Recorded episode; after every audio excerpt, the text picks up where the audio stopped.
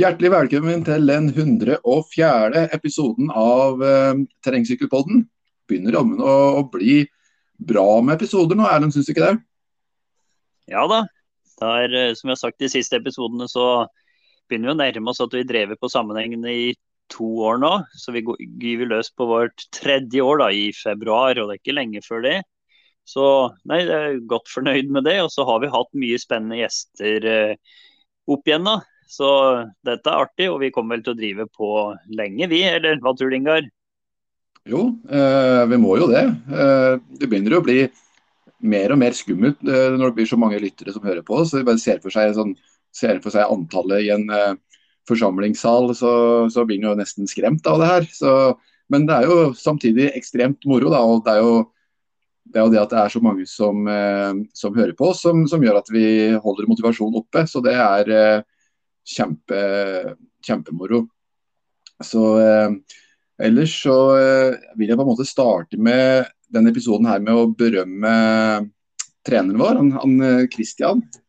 Sjøl så fikk jeg en liten Jeg ble litt skral under denne her Filippinene-turen min og prøvde å, liksom, å dysse det litt ned og, og, ikke snakke om det. Men jeg var forkjøla, det var vel egentlig en bilbetennelse. Så, så jeg snakka litt med Christian om det, og han sa det at nå, nå tar vi det bare helt med ro denne, denne uka her.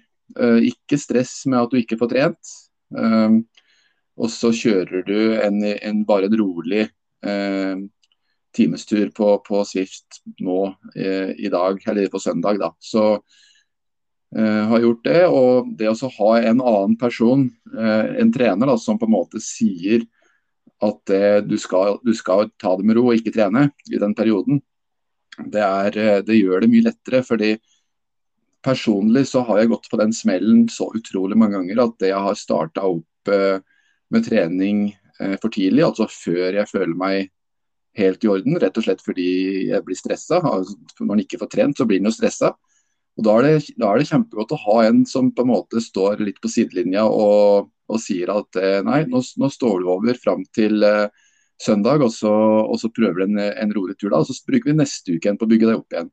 Så, så det syns, det jeg var kjempegodt. Så, så, takk for det, Kristian. Det var, det var et veldig god råd.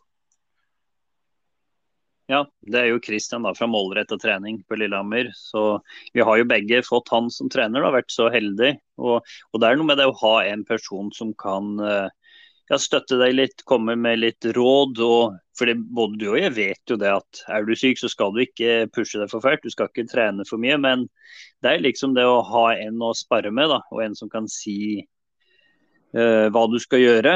Komme med litt råd og rett og slett få deg til å slappe av litt i forhold til det her. Uh, ja, at man blir litt stressa. Man har sett for seg at man skal trene så og så mange timer. De og de øktene vil man helst ha gjennomført. Så nei, så all takk til Christian.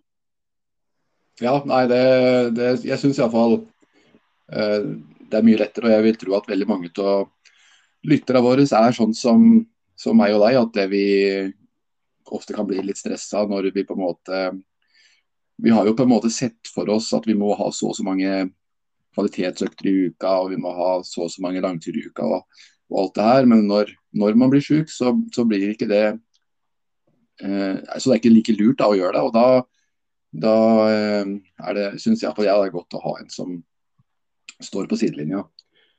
Ellers så eh, er det jo gledelig å se hvor bra syklister gjør det på ski eh, om dagen òg. Eh, har har har du sett meg på NM på ski du, Erlend? Har fått, Det ble jo avlyst da på lørdag, så jeg så vel det som var på fredag. Og så så jeg stafetten i dag på søndag. og jeg tenker Du, du sikter vel til de syklistene som også gikk bra på ski. da, og Da var det vel han Nordhagen da, som vant juniorklassa i Birkebeinerrittet som gjorde det aller best. Men uh, jeg så også at han, uh, en terrengsyklist var der og, og, deltok. Og det var uh, Eller så du hvem det var?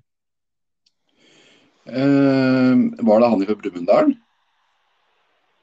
Nei, ja, eller han går jo har, Han har sikkert gått, han òg. Men jeg tenker på Eskil Evensen Lie, som er hørte som jeg ante ikke at han gikk på ski, men han deltok, han.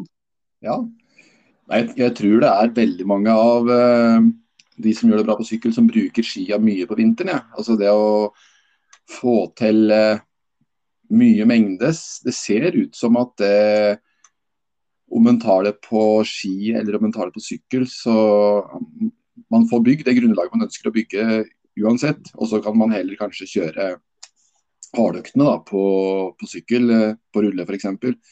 Det kan nok kanskje bli eh, muligens litt sånn tungt psykisk. Ikke vet jeg, men, men det er bare, bare, en tanke jeg har. At det, det, kan bli litt tungt psykisk hvis man bare skal sitte på rulla eller, eh, eller sykkelen eh, gjennom vinteren. Og, og ikke, fall her, vi, her, det er såpass mye snø som, som det er her, da, og ikke bruke skia nå som alternativ treningsform. Så, så eh, da er man på en måte kanskje mer på hugget når man kommer til konkurransesesongen nå, at man er mer sugen på sy eh, sykkel.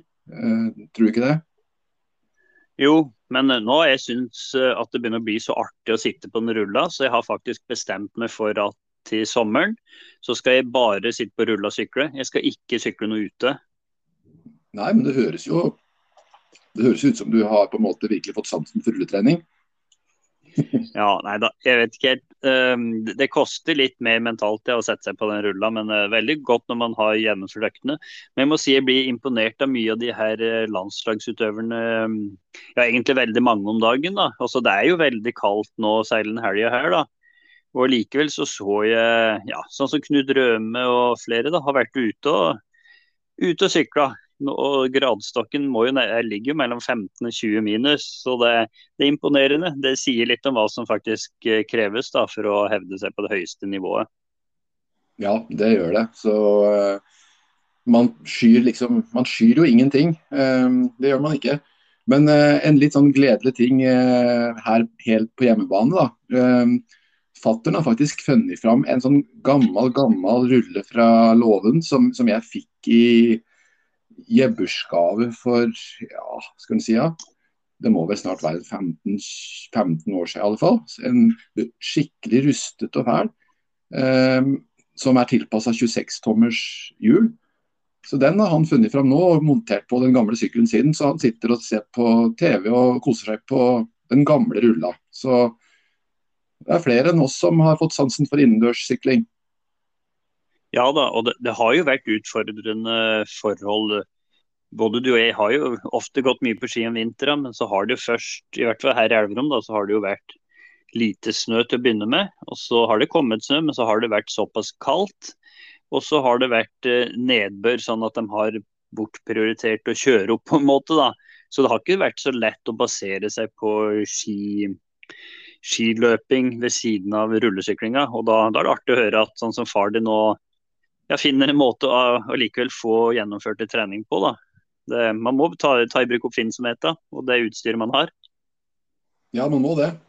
Personlig så syns jeg den rulla var ekstremt uh, kjip å sitte på. For det, det er liksom Jeg syns det har blitt en helt annen verden etter at uh, vi kom inn i denne her, uh, den Swift-syklinga. At man sitter og ser på en skjerm og at det blir på en måte mer sånn virtuelt på et vis. da.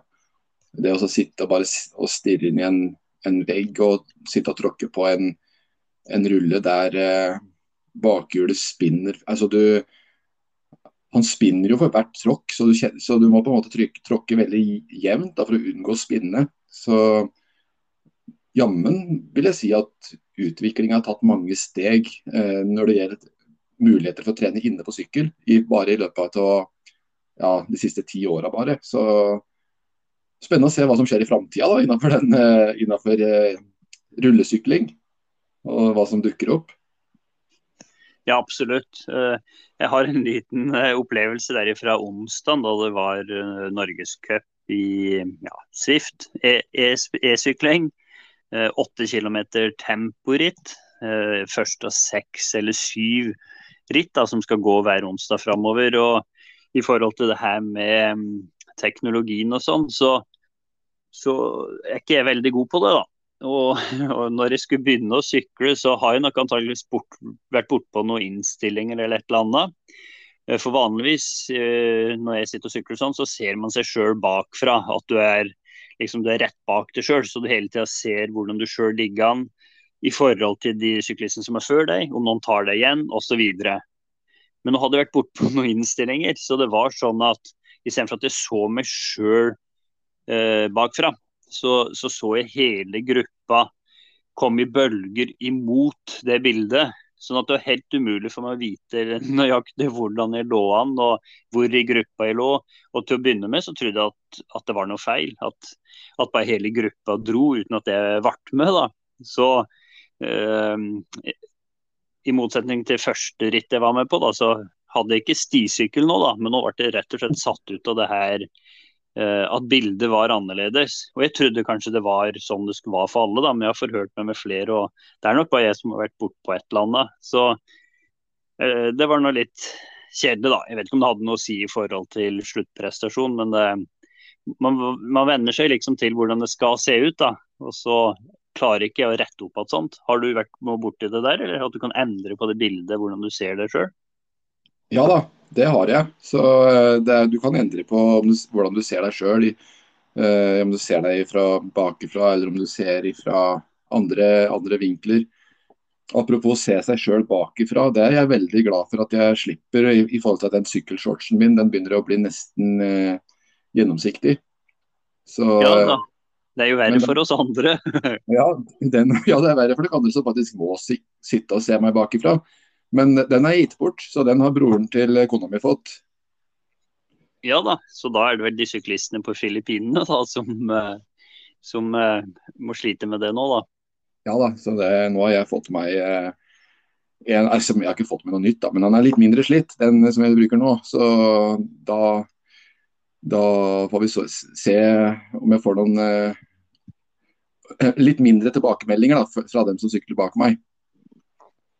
Ellers så um, har det jo som sagt vært norgescuprittet. Eh, åtte kilometer tempo. Er, du, du, fikk jo ikke vært med, da, som du sa, du har jo vært dårlig. Men hva, hva tenker du om en sånn økt i forhold til det her eh, at vi skal drive med terrengsykling? da? Eh, hva slags fordeler kan en åtte kilometer all out gi deg, tenker du? Det vil jo være formbyggende.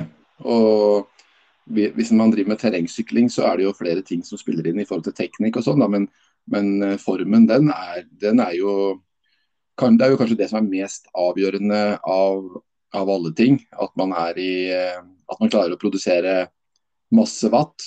Og det er vel ikke noe, mer, det er, det er vel ikke noe trening som er bedre og mer formbyggende enn konkurranser.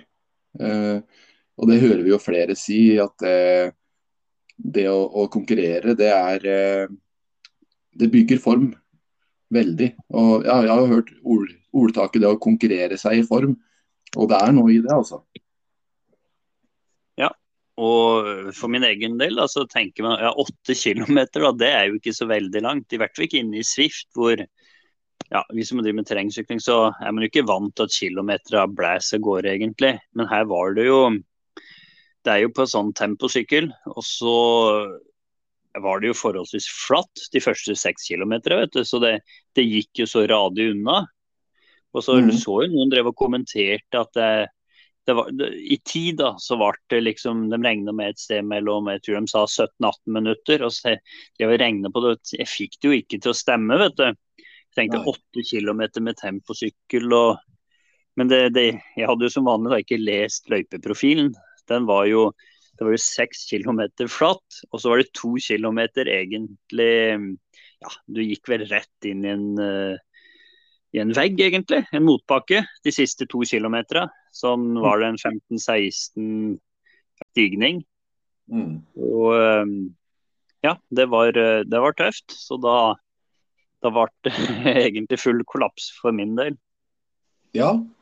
Nei, men uh der ser han. Altså det å, det å gå inn og se på løypa i forkant, eh, det er ikke dumt. Hørte du forresten hva Therese Johaug sa for noe i forhold til eh, det å gå gjennom løypa? Nei, hva er det hun har sagt? Hun har aldri gått et skirenn uten å besiktige løypa i forkant. Og øh, hun synes det er Altså det, også, det å starte, starte, et ritt uten å besiktige løypa i forkant, det er, eh, eh, litt sjansespill, da, ifølge henne. Så hun liker å være forberedt. Absolutt. Uh, hun har litt peiling, hun. Og det, du unngår i hvert fall en del sånne feil, sånn som jeg gjorde. da. At du, du rett og slett ikke er klar over uh, hvor bratt det blir på slutten. Og at det da er lurt å spare litt krefter til, uh, til det. Så mm. Nei da, men sånn er det. det er jo likt for alle. Og den som har gjort den beste forarbeidet, vinner jo. Så det er jo sånn det er. Ja. Ellers så um, har jo vi fått oss uh, hjemmeside. Kan ikke du si litt uh, om det? Jo da, vi har endelig fått oss en hjemmeside. Den heter terrengsykkelpodden.no. Rett og slett. Der har vi tenkt å rett og slett legge ut de nyeste episoder. Og så har vi tenkt å lage noen reportasjer. Eh, kanskje etter hvert lage noen filmer. Og ja, det, det, vil også være plass der til eh, å få lagt inn eh, logoer og sånn til samarbeidspartnere f.eks. Så det er bare å gå inn på terrengsykkelpodden.no og ta en titt. Sida er ikke helt ferdig ennå, så det er på en måte kanskje et, mer et utkast uh, enda. Men, uh, men, hvis vi får litt tips fra lytterne våre som eh, hva de ønsker skal være der, og forslag til forbedringer, eh, så vil det være veld veldig verdifullt. Fordi den hjemmesida skal vi prøve å lage så bra som vi bare klarer. Og kanskje på sikt bli eh, ja, det, det, folk eh, stikker innom, da, hvis de ønsker å få med seg siste nytt innenfor terrengsykkelsporten. Så Gå gjerne inn og se. Kom med tilbakemeldinger. Og eh, del også sida hvis dere uh, syns hun er bra. ja, og, vi, og, via den hjemmesida så er det jo nå sånn at de kan nå oss på mail, ikke sant? Det var post alfakrøll-terrengsykkelpodden.no. Det er det. Og da er det jo det er fint å komme med tilbakemeldinger der, eller andre henvendelser. Ja da, så det er bare å skrive. Og og dele den på sosiale medier. Det hadde vært helt rått. Så vi er veldig takknemlige for det. Ellers så, fra det ene til det andre, det skjedde jo en del ting, veldig positive ting forrige helg òg. Vært eh, jentesamling eh, på Hoksmark eh, Bike Park. Eh, ekstremt viktig og supert tiltak eh, for å øke rekrutteringa blant eh, jenter i terrengsyklinga, eller i sykkel generelt. Dette var jo en samling for alle sykkelgrener, ikke bare terrengsykling. Det var eh, landevei, det var utfor, det var terrengsykling, det var eh, cyclocross. Så alle eh, disipliner var representert der. Og den som sto i bresjen, var hun Thea Sigrud. Så vi har rett og slett eh, vært så heldige at vi har fått en prat med henne eh, i etterkant av samlinga. Så skal vi ikke rett og slett bare høre hva hun har å si? Jo, vi må jo bare føye til at uh, det var i samarbeid med Sykkelforbundet og Henriette Guts som, som hadde ansvar for den samlinga der. Og det var bra oppmøte ifølge de ja, innleggene de har lagt ut på sosiale medier. Så med det kan vi bare høre hva Thea Sigrud har å si.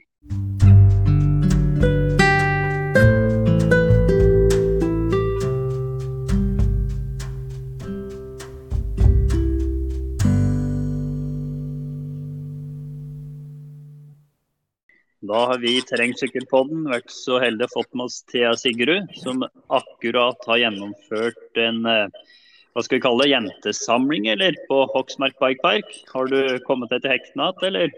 Ja, det har jeg. Det var jo, det var jo litt over 20 jenter. Så det var jo litt å gjøre, men eh, det var kjempegøy. Så begynner det å lande litt nå. Ja, jeg ble nesten misunnelig når jeg så på de bildene som ble lagt ut med de, det rommet der alle satt på rullen og litt sånn der. Det så da veldig sosialt artig ut, egentlig. Ja, det har begynt å bli veldig bra. Vi har jo det rullerommet eh, med syv sånn Computrain-ruller og fire spinningruller, så man får jo plass til en del der oppe. Så um, det er jo noe med det der å sitte sammen og sykle, gjøre den liksom sykle intervall sammen, da. Um, det gjør noe med liksom, motivasjonen. det, er ikke Ja. det er ikke alltid like gøy å sykle alene. Nei, det er jo ikke det. Og man merker jo det nå. Hø- Høsten og vinteren blir jo ganske lang, egentlig. Med lite fellessykling, kanskje, da. I hvert fall i dette landet her, da, for dem som ikke reiser til utlandet. Absolutt. Absolutt. Hva, hva var liksom tanken bak den samlinga? Var det din egen idé, eller er det gjennom eh, Sykkelforbundet, eller? Det er, var egentlig Henriette Guts eh, som eh, jobber litt for Sykkelforbundet. Uh, og jeg som snakka sammen. Og hun og jeg har egentlig tenkt på, veldig, tenkt på det veldig lenge, da, å ha en sånn jentesamling. Um, for det er jo sånn Det er veldig mange som sitter og sykler alene rundt om i landet. Um, så det å på en måte kunne samle alle jentene til en sånn samling, da, uh, hvor man på en måte kan uh, trene sammen. Men altså, hovedfokus på samlingen var egentlig å bli kjent eh, med flere folk i andre grener. Eh, så vi hadde jo både mm, landeveissyklister, og så hadde vi én utforsyklist, og så en del terrengsyklister. da. Så det var veldig gøy å på en måte kunne bli kjent med andre, andre jenter fra andre sykkelgrener.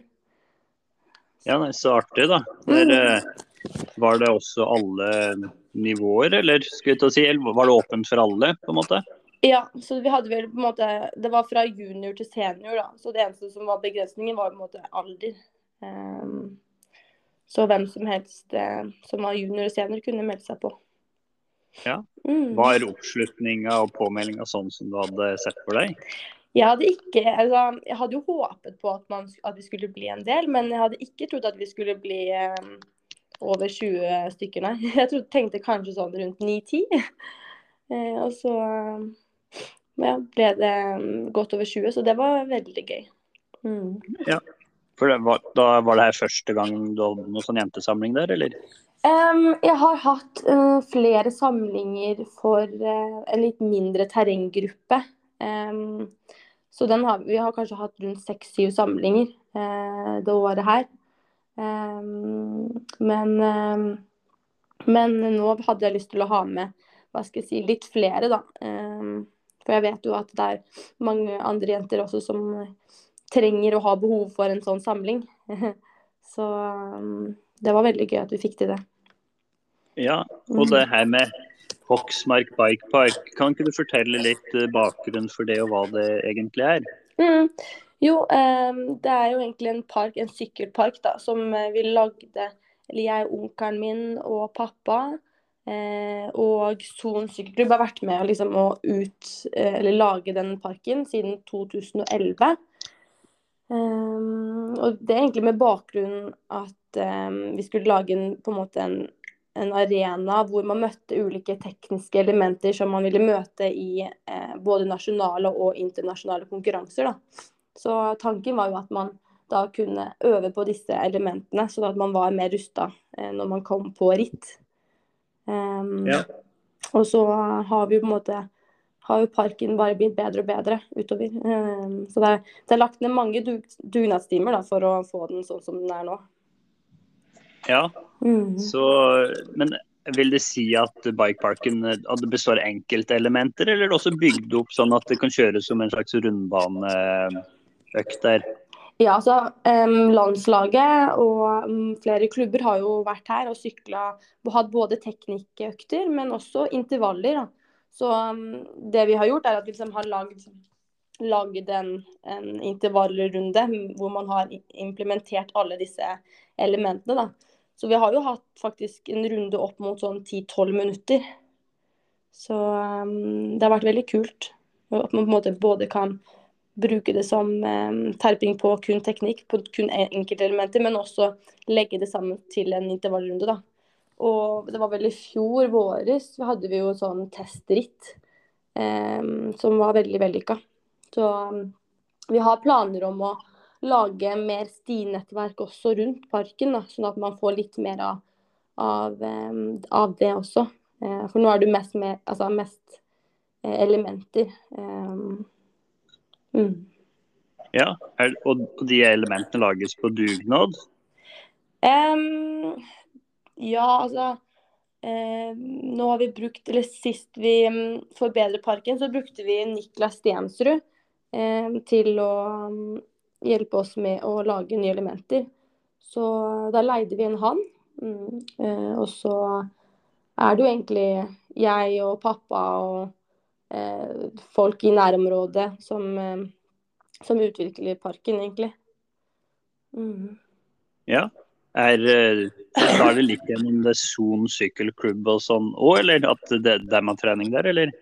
Ja, både Son og Follo og Rye og Frøy og eh, Region Øst har vært der en del. Så det er veldig mange klubber eh, i nærheten som har eh, brukt det. Eh, og så håper vi også at, eh, at folk fortsatt, fortsatt vil, vil, bruke parken, for det er jo det som er målet. både både med rekruttering av barn og unge, men også det med at eh, eliteutøvere også kan utfordre seg da, og få øvd på, øvd på, elementer som man vil møte. Så målet er at det skal være en park for absolutt alle, også mosjonister.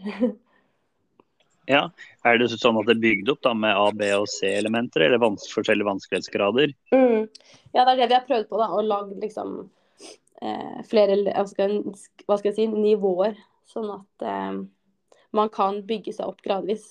Eh, for det handler noe om at man, man vil jo på en måte gjøre det så trygt som mulig. Så ja, det er det vi har prøvd på. Ja, det høres jo veldig bra ut. og mm. uh, Jeg tenkte på det her, men, men hva liksom er motivasjonen din for å drive med det her? Du er vel aktiv sjøl innenfor terrengsykling, er du ikke det? Jo, uh, absolutt. Um, det er altså motivasjon. Men jeg har starta med terrengsykling i 2011. Um, ehm, og hva skal jeg si, jeg bare brenner veldig for sporten og syns det er ekstremt morsomt. Um, og så er jeg glad i trening generelt, da. Så, så på en måte den gleden terrengsykling har gitt meg, ønsker jeg også å gi til andre. Um, så det er derfor jeg også har lyst til å både det med jentesamling, kunne samle jenter, men også det med å bygge opp en park sånn at man kan rekruttere flere barn og unge også. Så jeg har på en måte lyst til å uh, få med andre uh, ved siden av min satsing på sykling. Ja, mm. så er det, er det, mange jenter som satser i det området du kommer fra, eller? Um, ja, vi er noen, men eh, man er jo litt spredt eh, rundt, da. Eh, så noen er jo i Oslo, og noen bor i Lillehammer, noen i Halden, noen i Moss. Og vi er litt spredt, men vi har faktisk fått til å møtes jevnlig. Men det handler jo på en måte litt om at alle er veldig innstilt på å få jevnlig matching og for det sosiale. Da, for man merker jo hvor mye det har å bety liksom, for motivasjonen. Uh, og ikke minst det å utvikle seg også. Ja. Mm. Så uh, hvor mye bruker du anlegget sjøl i din egen trening? Um, tenker du på parken eller på rullerommet? Ja, ja, alt sammen. Um, nå på vin vinterstid så bruker jeg rullerommet tre til fire ganger i uka. Eh, kommer litt an på været, selvfølgelig. Eh, men jeg har en del eh, rulleøkter der. Eh, og parken sånn Jeg kan bruke det hvis, hvis, vi har samlinger og sånne ting, men jeg bruker ikke så mye alene. Eh, men det har jo litt med sånn sikkerhet å gjøre også. At eh, jeg liker å terpe når jeg er med andre. men ja. Jeg har, har som mål å prøve å bruke det mer selv selv om det ikke er samlinger. ja. Når, når, er det liksom eh, sesongen begynner for fullt utendørs der, da? Hva var det du sa for noe nå? Når er det sesongen begynner for fullt utendørs på Bikeparken? Det er jo Hva skal jeg si Når snøen smelter, da. Men altså eh, i, i, fjor så brukte jo landslaget egentlig parken eh, gjennom vinteren også. Så mm, det er jo egentlig ikke noen begrensninger sånn sett. Så vi prøver jo å um, tilrettelegge sånn at man kan bruke parken året rundt, faktisk. Så vi pleier å strø litt um, grus der og ta bort litt snø. Men sånn som nå som det har vært en del is, så er det selvfølgelig litt vanskelig, da. Um, ja. Men det er jo så fort snøen er borte, så er det muligheter. ja. Nei, Mm. hva, jeg tenkte på det her med din egen satsing. Du, du satser jo veldig bra for noen år siden, og så har du jo begynt på at nå, egentlig. Og hva er det som er det store målet for din egen del, da, med din egen satsing? Um, altså, jeg har jo Jeg fikk jo på en måte et frivillig opphold fra syklingen. Jeg ble jo syk i 2017. Um, så siden den dagen jeg ble syk, så har jeg egentlig tenkt på sykling hver eneste dag. Eh, og brukt også sykling som motivasjon for å komme tilbake, eller bli frisk, da. Eh, og de siste to årene så har måte kroppen stabilisert seg mer og mer, og jeg har kunnet trene mer og mer også. Eh, så nå, den neste sesongen, så er det på en måte egentlig em, å få, hva skal jeg si, få trent godt, da.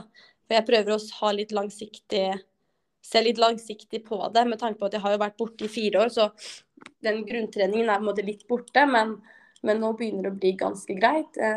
Så, men selvfølgelig så har jeg jo som mål å gjøre det bra i NM og i Norgescupen, få med meg UCI-poeng. Eh, Jeg håper jo også at jeg kan være en bidragsyter til å skaffe UCI-poeng, sånn at vi klarer å få med en jente til OL i 2024. Det hadde vært veldig kult. Så sånn kortsiktig så er det hva skal jeg si, målet neste sesong. Og så på lang sikt så er det jo å komme på profflag eh, og kunne leve av sykling, da. Det er liksom ja, hoveddrømmen min. Ja, så, Mm. men i det at du driver dette Hoksmark, da er det, er det så man kan leve av det, eller er du avhengig av annen inntekt i tillegg? Ehm, altså jeg håper jo at, um, at man kan få det stort nok da etter hvert. At man kan ha det som en jobb ved siden av. Men um, det må man på en måte bare se litt an hvordan det blir. Men eh, jeg håper at jeg på en måte kan bygge det såpass stort etter hvert at, eh, at det går an å ha det som en jobb. Hvor man får en del inntekt. Men uh, ja, vi får bare se litt hvordan det blir. Men jeg skjønte sånn at du studerer i tillegg til alt det andre du driver med. Kan du si litt om hva du, hva du har studert, da, og hva du driver og studerer nå? Ja. Nei, jeg starter på um, um, starter på NIH, Norges idrettshøgskole, i 2019. Uh, og så var jeg ferdig med bachelor um, i fjor våres. Uh, og da tok jeg noe som heter coaching og idrettspsykologi. Um, og så i år så tar jeg PPU for å kunne bli lærer, da. Um, så den utdanningen jeg tar, er egentlig Den er veldig åpen, men jeg kan på en måte Det er veldig mange muligheter, da. Så um, ja, det er egentlig for å ha, ha en liten backup, men um, Eller ha noe å falle tilbake på, på en måte. Um, men jeg vil jo, vil jo satse på terrengsykling, og så ha liksom Hoksmark som en sånn sidejobb. Um, men det er alltid fint å ha noe å kunne falle tilbake på. For det er ikke, det er ikke alltid like lett å drive um, enkeltvirksomhet alene. Men uh, ja, jeg prøver.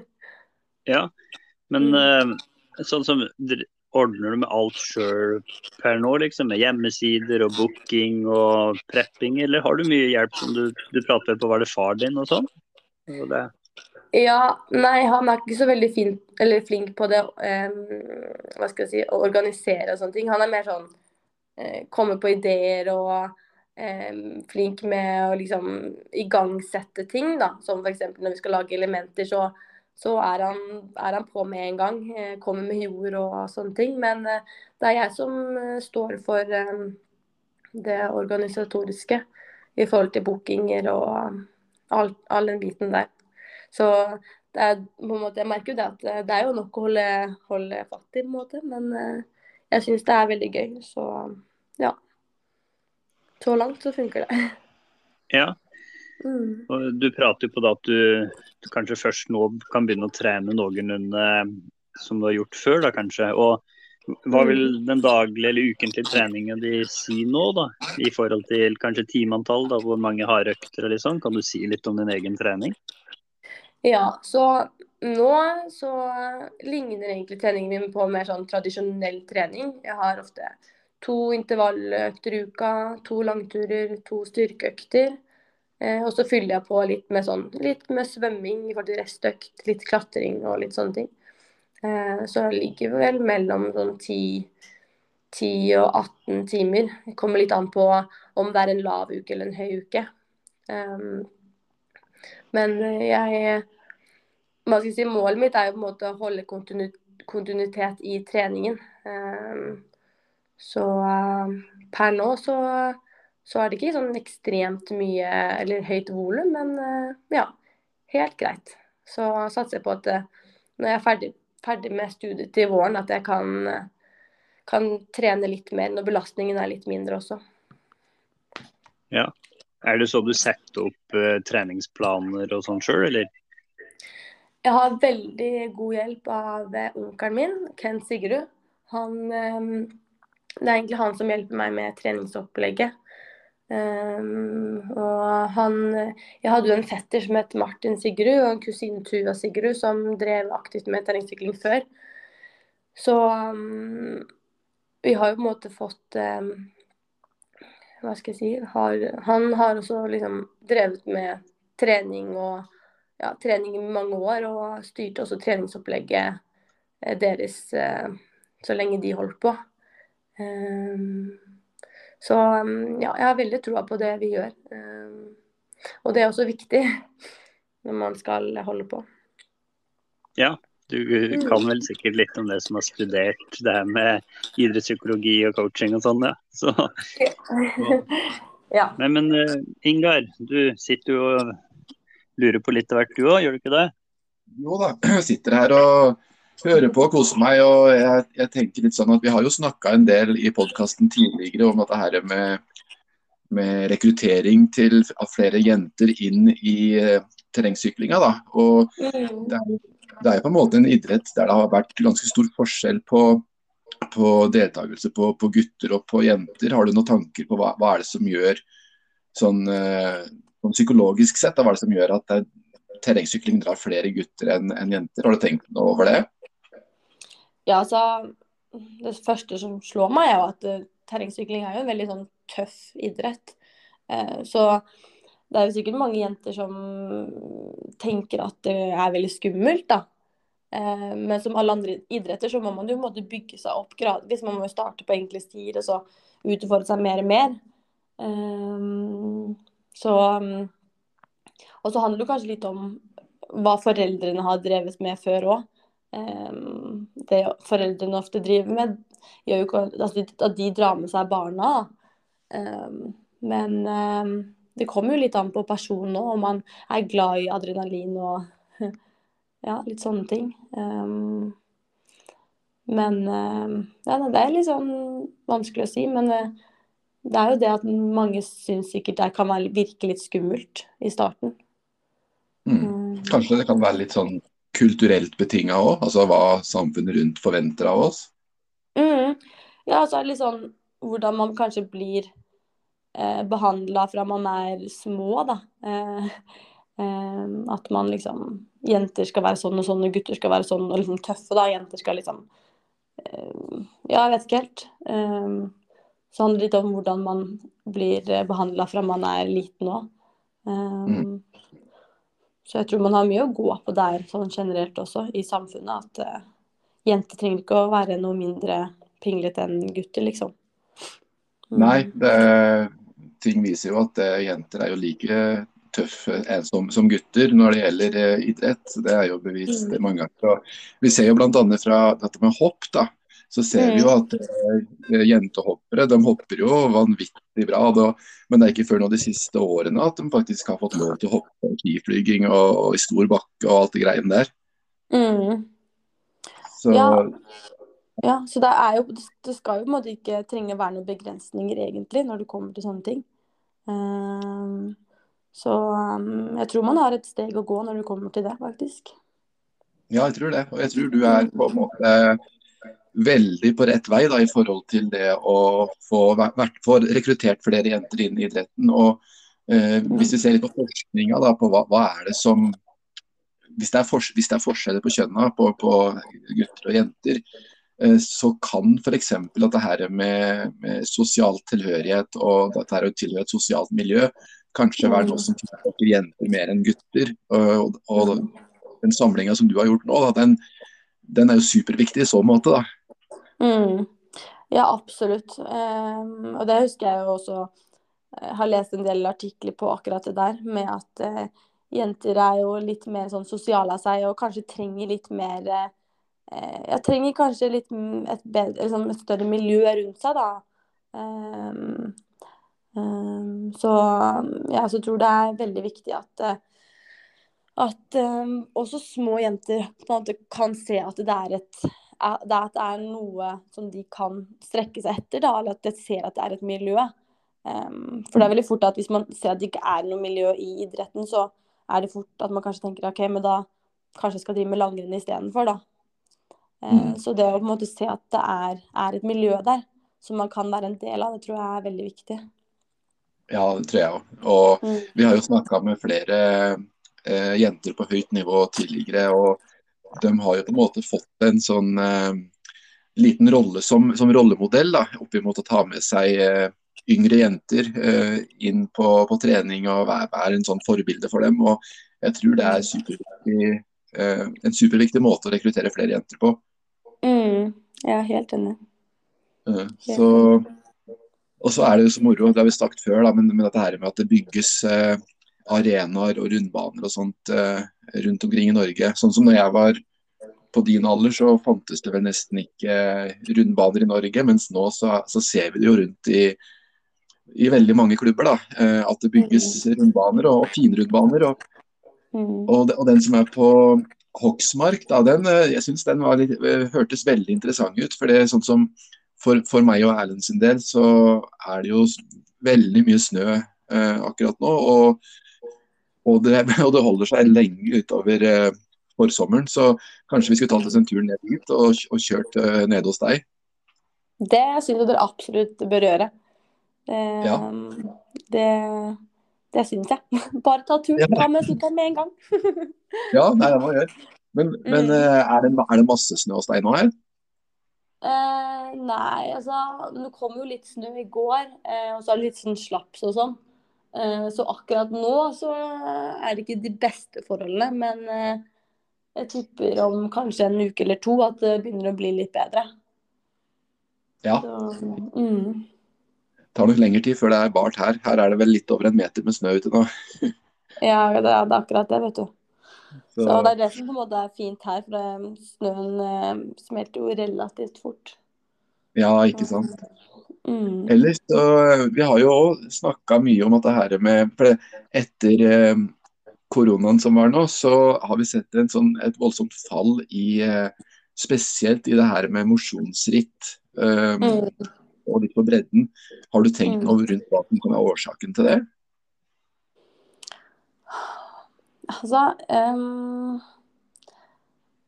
jeg, altså, jeg vet ikke helt. Um, nei, det er liksom um, Nei, det er ikke helt godt å si, egentlig. Men uh, det kan jo hende at folk er mer på det der med ikke nødvendigvis å ha på liksom et startnummer på, med, på brystet, men kanskje en sånn eh, Å gjøre ting som ikke har nødvendigvis med konkurranse å gjøre, men bare være med på eventer, da. Um, ja. Men um, jeg vet Hva tenker dere om det? Nei, eh, vi har eh, faktisk drodla ganske mye rundt det. Og det er litt som du sier, da, det her med den terskelen og det å, det å sette på seg et startnummer. Det kan jo være en, på en måte noe som gjør at kan være litt skremmende. Og samtidig så ser vi jo at det nivået blant eh, såkalte supermosjonister, det, det, nærmer seg jo mer og mer elitenivå, egentlig.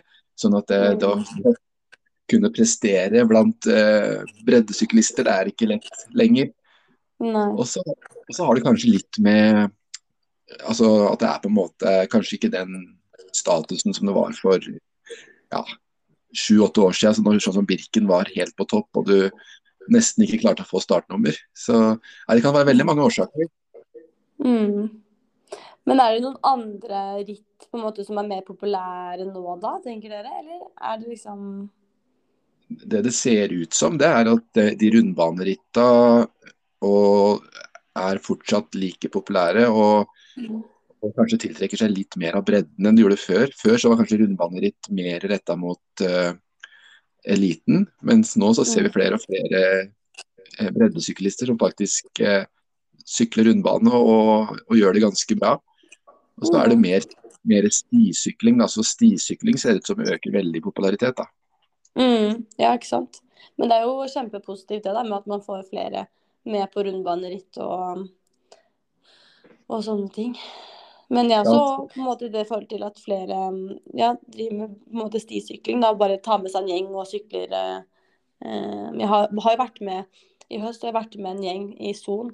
Eh, en del sånne mosjonister som eh, koser seg på stiturer på tirsdager. Eh, har med seg bamsemums og koser seg på sti. Ja. Så ja. det har vært litt kult å være med de, vært med de på det. ja. Få det litt mer lystbetont, rett og slett. Mm. Bare leke seg på sykkelen og ha det gøy. Ja, ikke sant. Så mens vi som er sånne her treningsnerder og slitere, vi, vi på en måte skal ha prestasjon og vi skal ha resultater. ja. Jeg tenker det er viktig med en eh, balansegang. Ja. Det er nok det. Det er ingen tvil om det. altså.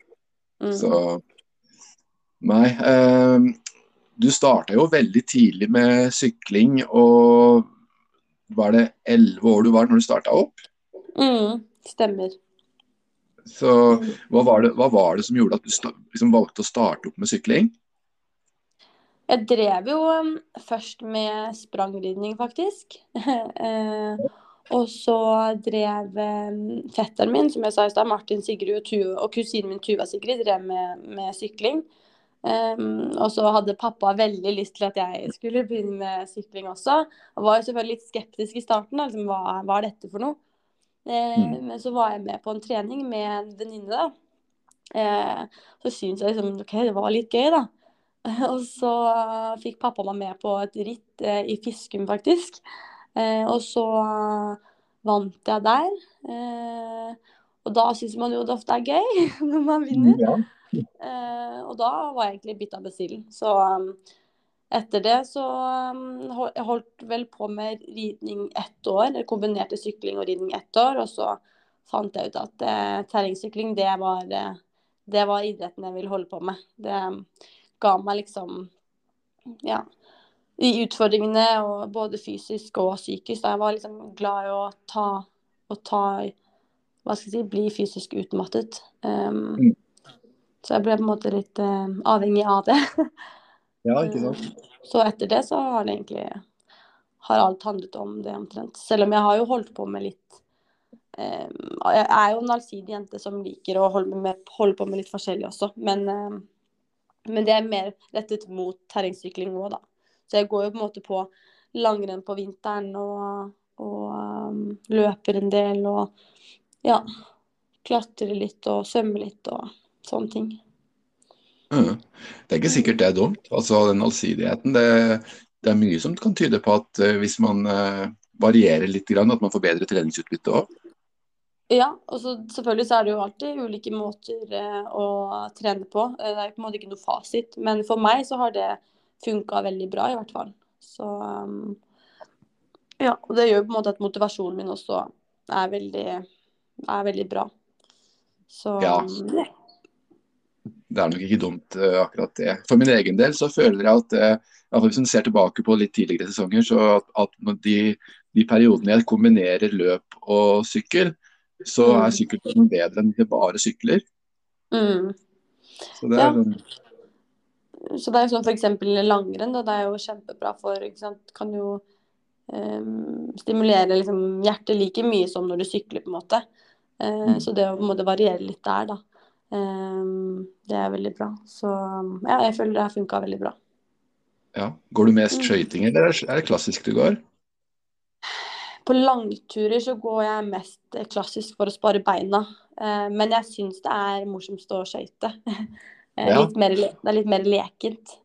Um, men jeg har faktisk tenkt å kanskje være med på noen sånne karusellrenn i vinter. Jeg får se litt, men det hadde vært litt gøy å være med på det. Um, ja, det er jo veldig bra, veldig bra trening å få gå sånn gå konkurranser på, på, på ski. Mm. Så selvfølgelig så har det jo blitt mer og mer sykling på vinteren nå som jeg har blitt eldre. Uh, men samtidig så prøver jeg også å ha noen, noen innslag av ski på, som intervall også. Ja, Så du kjører litt hardøkter på ski eh, også, ja? Ja, ikke, ikke, ikke, ekstremt mye, men litt innimellom. Hvis jeg er på hytta f.eks. og ikke har med meg rulle, så gjør jeg det. Um, eller hvis jeg skal gå karusellen f.eks. ja, ikke sant. Ja. Mm. ja, nei, det er altså dette med ski og Det er uh, fantastisk. Vi skal forresten ha jeg og Erlend vi arrangerer jo Trysil-Knut-rennet nå på, i slutten av februar. Så har du lyst og anledning, så kunne du stikke innom og blitt med på det òg. Ja, det hørtes jo kjempegøy ut. da. Er det dere som ja. arrangerer, arrangerer, det? Ja, det er Søråsen idrettslag, men det er vi som på en måte står i bresjen for det. da, Sammen med Trysil-Knut da, som er et terrengsykkelritt som går på, på sommeren. Oi, så kult. Så der er du hjertelig velkommen. ja, så gøy. Jeg var jo faktisk med på sånn eh, triatlon eh, på Lygna da jeg var litt yngre. Eh, da var det sånn løping, løping sykling og ski. Eh, det var veldig gøy. Så det, ja, det, det, anbefaler jeg faktisk. Jeg vet ikke om det fortsatt er, jeg tror det, men eh, ja. Jo da, VM går faktisk i Norge nå i, i vinter. Ja, det stemmer det. Jeg har faktisk hørt noe om. Ja, så vi har blitt eh, tipsa om, og vi skal ikke stille der, da, men eh, jeg vet ikke, jeg har gått én tur på ski hittil, så vi får Jo da, må... bare prøv. ja, vi må bare prøve. Det ja, det er gøy. Må bare være med fordi det er gøy, da. ja. Nei, det er viktig å ha lave skuldre, i hvert fall. Da tror jeg, det, da tror jeg man gjør det bedre. ja, faktisk. Altså, hvis man ja. går og tenker at nå skal man prestere, og nå skal man på en måte vise hva all treningen har lagt ned, og, og hvor bra den har blitt, liksom, så, så går det utover resultatet ofte.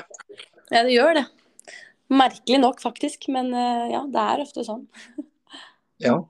Så hva var det jeg tenkte jo For det, nå, nå, er det jo snart, eller snart og snart, det er, det er jo sesongåpning, eh, eller ny sykkelsesong om ikke så altfor lenge. Har du, har du blinka deg ut noe åpningsritt?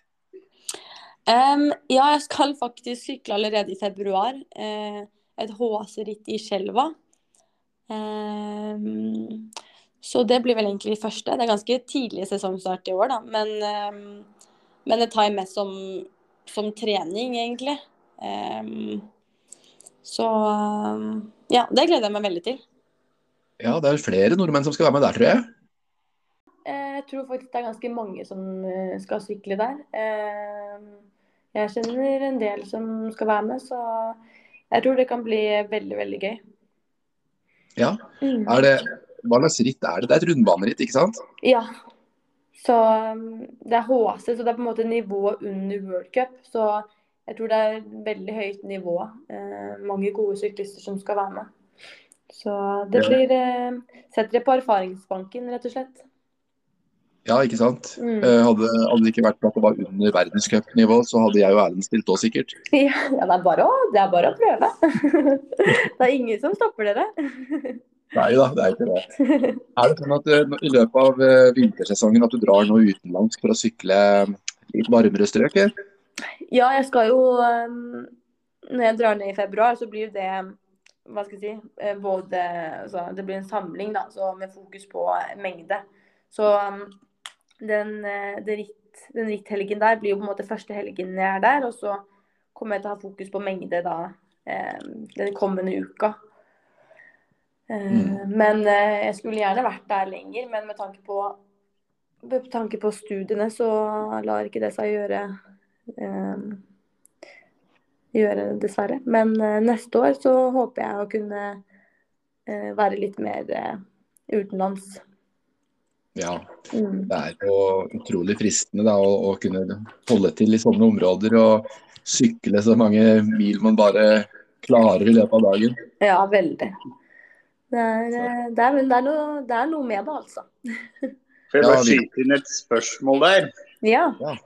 Jo, eh, hvis jeg skjønte det riktig, så er jo du i Skjelva og skal sykle det rittet første helga du kommer dit, var det ikke det du sa? Ja.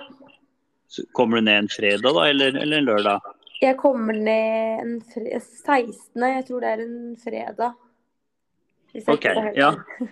ja. Men hvor, hvordan, eh, jeg vet i hvert fall for min egen del, så så er det jo det er, jo veldig, det er litt sånn Bambi på isen, liksom. Hvis det er lenge siden man har sykla på sti, og så skal man rett ut på Nå vet jeg ikke hvordan løypen er der, da. Men, eh, eller er du sånn supernaturtalent på det med stisykling, og så du tar det sånn med en gang?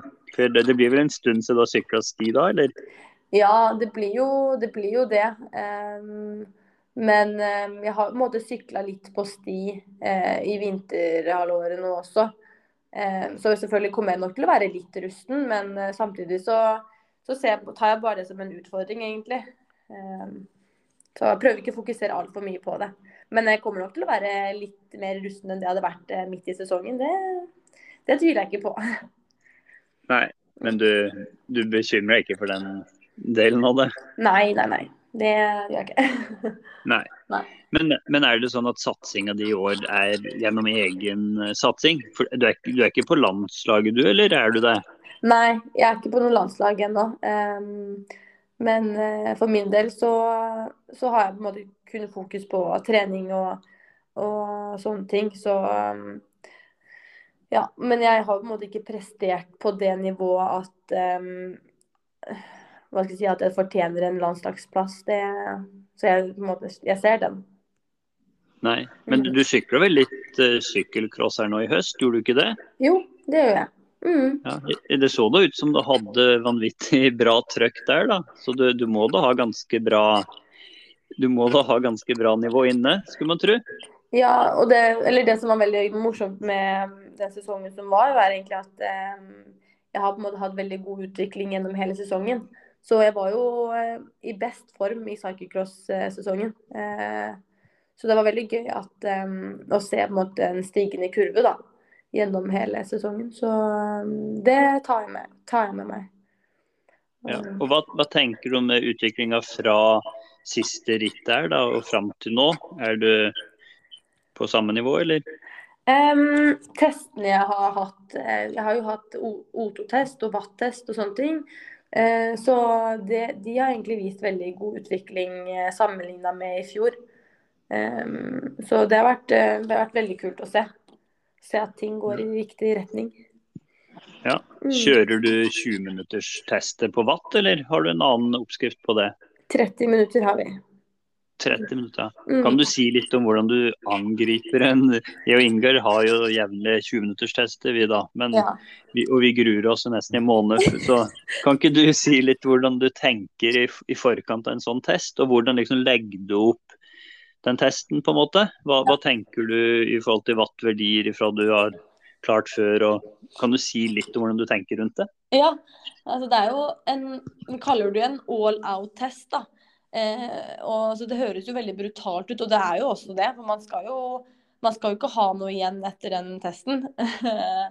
Men samtidig så eh, sykler vi jo 30 minutter, så man må jo disponere. For at åpner man for hardt, så, så eh, vil jo vann synke mot slutten. Så målet er jo at man skal klare å øke litt hele veien.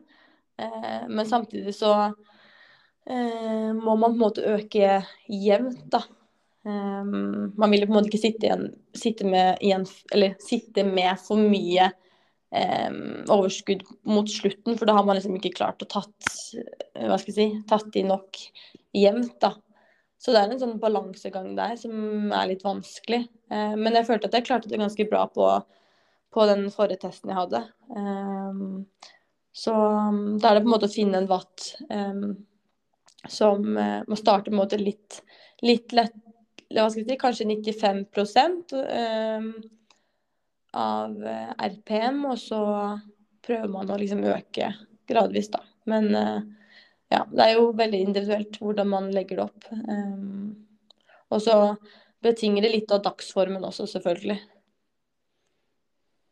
Ja, absolutt. Uh, sånn motivasjon underveis, har du noe, bruker du noen distraksjoner, noe musikk, noe å se på TV, eller er du liksom full fokus på tråkkinga og wattverdiene foran deg og den slags, eller hva, hva bruker du sånn sett? Ja, vi har vann uh, sånn oppe, sånn at man både kan ha litt kontroll på det.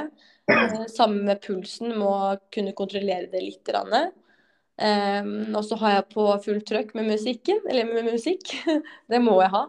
Uh, og så legger jeg sånn mentale strategier underveis. At jeg liksom tar ti minutter, ti minutter av gangen. da. Så jeg deler det liksom opp i tre deler.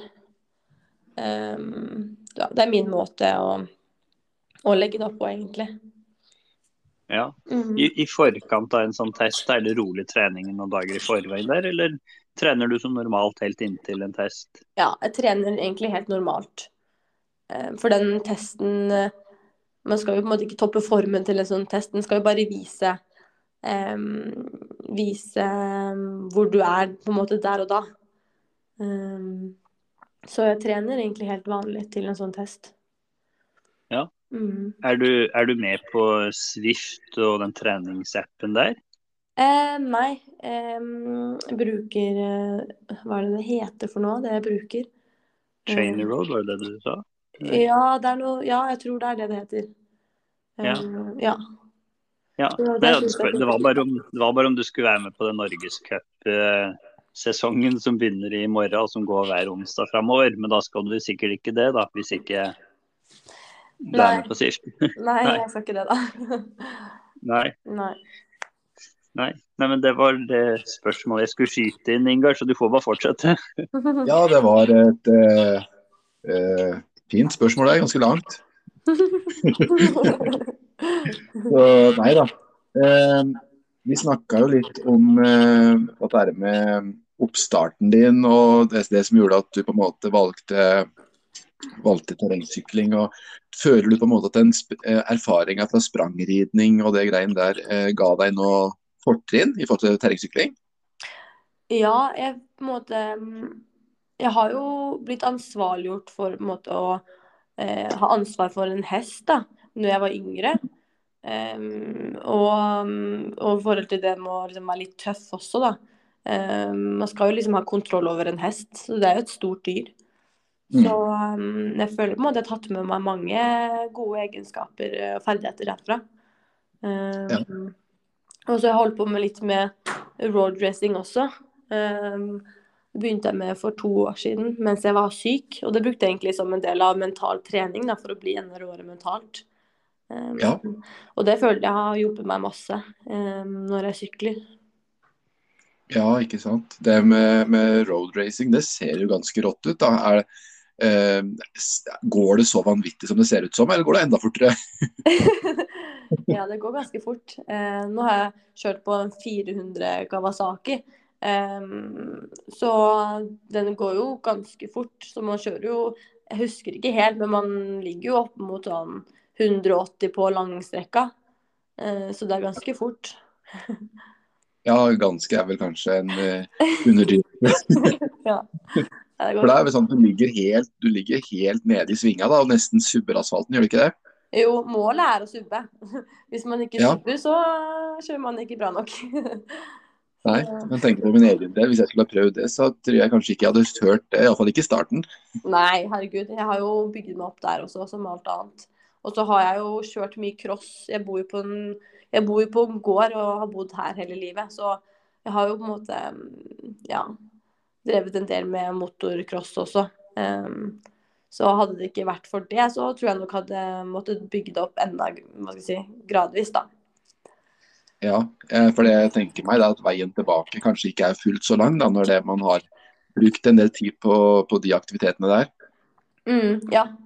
Um, så jeg syns på en måte Hva skal jeg si Det krydrer hverdagen litt, da, og gjør det litt annet også. Og så tenker jeg altså det kan være med på å styrke styrke syklingen på ulike måter. Ja, og jeg tror kanskje det er spesielt det her med eh, det å føle på den farta. og mm. eh, For mange så vil kanskje den farta som man kjører roadracing på, føles veldig sånn unaturlig og veldig mm. veldig voldsomt på et vis. da, Men når, når du har den farta inne der, så vil det kanskje ikke føles så voldsomt på terrengsykkel. Ja, og så ikke minst det med sporvalg, da. Eh, og så med blikk og sånne ting tar man med seg fra roadracinga. Eh, og så det er jo flere ganger jeg har tenkt sånn OK, jeg, har ligget liksom i 100 km i timen i en sving på um, roadracingbanen. Da klarer jeg i hvert fall å sykle den svingen her, liksom. Så um, ja, det er litt sånne ting man uh, lærer av det. Så det er litt kult. Ja. Har du av, av, når du har kjørt road racing, har du av og til følt på at, at uh, dekka slipper asfalten ned? Ja. Eh, det har jeg. For den følelsen syns jeg er litt ekkelt selv på terrengsykkel, selv om det ikke går så fort. Mm, ja, så um, og da, da, på en måte pusher man det kanskje litt hardt, men samtidig så må man jo man må jo teste de grensene litt også for å finne ut hvor, hvor mye man kan pushe det. da. Um, så um, ja, jeg tror det er viktig. Bare ja, prøve, prøve litt, og så må man jo regne med å kunne eller gå litt på snøra innimellom, men sånn er det jo bare. Sånn er det. Har du, har du gått på snøra på, road, på, på motorsykkel nå her? Faktisk ikke. Um, overraskende nok. Um, men nå har jeg jo på en måte ikke kjørt altfor mye heller, da. Uh, men jeg har litt lyst til å kjøre litt mer den kommende sesongen. Så jeg har jo som mål å ikke skade meg. Det er liksom, det er pri én. Jeg vil ikke ødelegge for syklinga, for det er jo det som er hovedidretten jeg driver med. men ja, selvfølgelig så må man jo regne med, regne med litt sånt også. Ja, ikke sant. Jeg må jo det. Så jeg må bare håpe at de ikke skader seg for alvorlig, da, sånn at man får varige men. Ja, så det er jo Jeg kjører på en måte Jeg kjører jo alltid med det i bakhodet. Så jeg vil på en måte ikke teste det eller pushe det for mye, men på en måte være innafor den grensa, da. Så ja. ja. Jeg tror det er eh, en, en smart tankegang. Ja. Så, men uh, da tenker jeg kanskje at vi eh, uh, sier oss fornøyd for denne omgang. Det var utrolig moro å få snakke med deg. og vi kommer helt sikkert tilbake, fordi det var skikkelig moro. Og skal ikke se bort ifra at vi kanskje lager en liten reportasje fra den eh, sesongåpningen deres. For jeg hører at det er flere nordmenn som skal dit. Og da kunne det jo vært morsomt å få til en liten snakk rundt det òg. Ja, det er bare å ta kontakt. Det er veldig hyggelig å kunne være med i poden. Det er veldig hyggelig å bli spurt. ja, tusen mm. takk. Mm. Yes, da får du ha det bra, så får du ha lykke til uh, på sesongåpning og med treninga. Ja, tusen og så takk. høres vi, vet du. Det gjør vi. Ha det fint. Ha det bra. Ha det.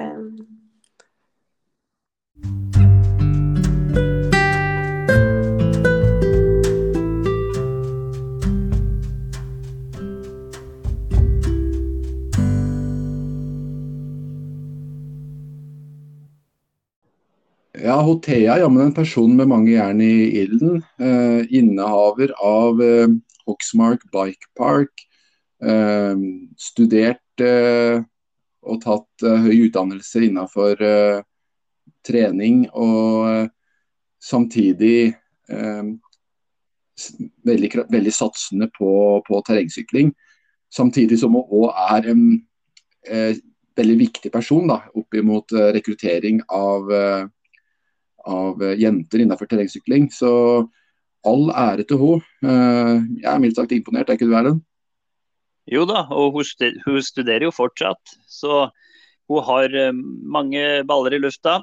Og Sykkel-Norge trenger sånne personer altså for å få fram eh, interessen blant kvinnene. Det var så jeg tenkte at eh, at jeg håper det blir en guttesamling der òg. Og da skal vel du og jeg dit, eller?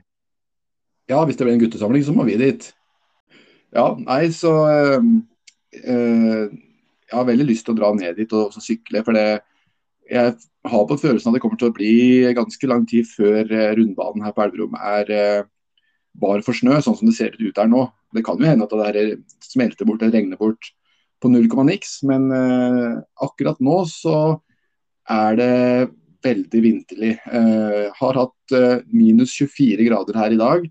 Faktisk så frøs eh, vannet mitt i dag eh, tidlig. Sånn at jeg måtte ned i jordkjelleren og sette på en, eh, en, varmeovn. Og så måtte jeg ut og måke mer snø rundt eh, rundt uh, veggen for å få isolert mer, og fikk etter hvert opp igjen. da, Så det er kaldt. Det er det virkelig. Så du har vel ikke sånne problemer der du bor? Nei, her på Elverum så er det ti plussgrader. Nei ja. Det mm. er, det er, noen utfordringer med å bo i Norge og være syklist, da, som vi kanskje primært ser oss som. Det er, du er litt avhengig av gode innendørsmuligheter for å få trent. Jeg ser veldig mange har laget seg gode treningsrom og har det bra tilrettelagt inne. Det er jo ikke alle som har muligheten til det. Mange bor i, i små hybler, små leiligheter. og Det er jo litt støy, og det er litt um, Ja. Det er ikke alltid det passer seg overalt å ha rulle og den slags inne. Uh, det er ikke sikkert fruen uh, setter så stor pris på det. Men uh, det, vi vet jo det at det er jo bare for en liten periode. Det er noen få måneder i året hvor du kan ha sånne utfordringer. Størsteparten av året så er det greie forhold både å trene ute og, og inne for den som har den muligheten. da. Mm.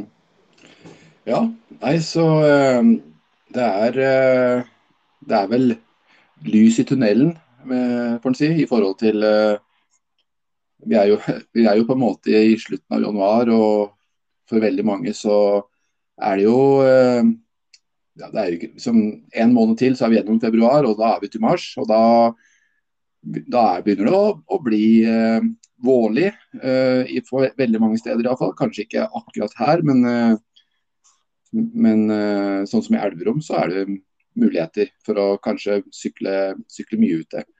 Og så tenk, Jeg har jo en tanke om det her, og det er at vi må jo bare krumme nakken og gjøre unna den treninga som skal til, fram til vi eventuelt får proffkontrakt med et team i sørlige Italia. Og Der er det jo mye bedre treningsforhold eh, ja, på vinter nå, da, i forhold til her. Eller hva tror du? Jo da, det er bare å krumme nakken. Vi har, vi har jo på en måte ja, hvis en ser for seg kanskje en sånn tiårsperiode med trening, da, så, er, så, er, det ikke så lenge til vi uh, er der. Men uh, som jeg har sagt før, vi har tida på oss. Vi er uh, unge og lovende. Så det er bare, bare å bite tenna sammen og se framover.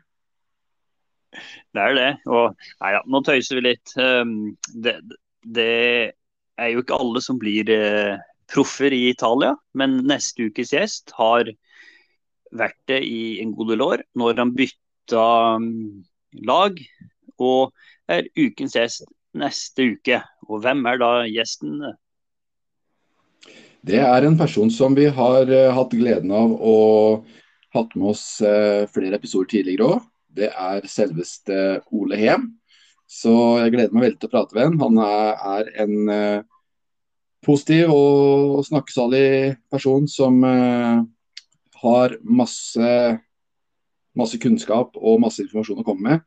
Så eh, det er bare å glede seg. Eh, det kommer vi også ut med neste mandag igjen. da. Så da kan vi jo bare sende en siste oppfordring, da. Del gjerne både episoden her eh, og hjemmesida vår. Og ta gjerne kontakt med oss der hvis, hvis man har henvendelser. Det kan være f.eks. Hvis du har forslag på noen gode gjester eller saker vi kan ta opp, eller andre ting av interesse for lytterne våre. Ja, så med det så får vi bare si tusen takk for denne gang. Ønsker alle sammen en riktig god treningsuke, og så høres vi igjen neste mandag. Ha det bra, da.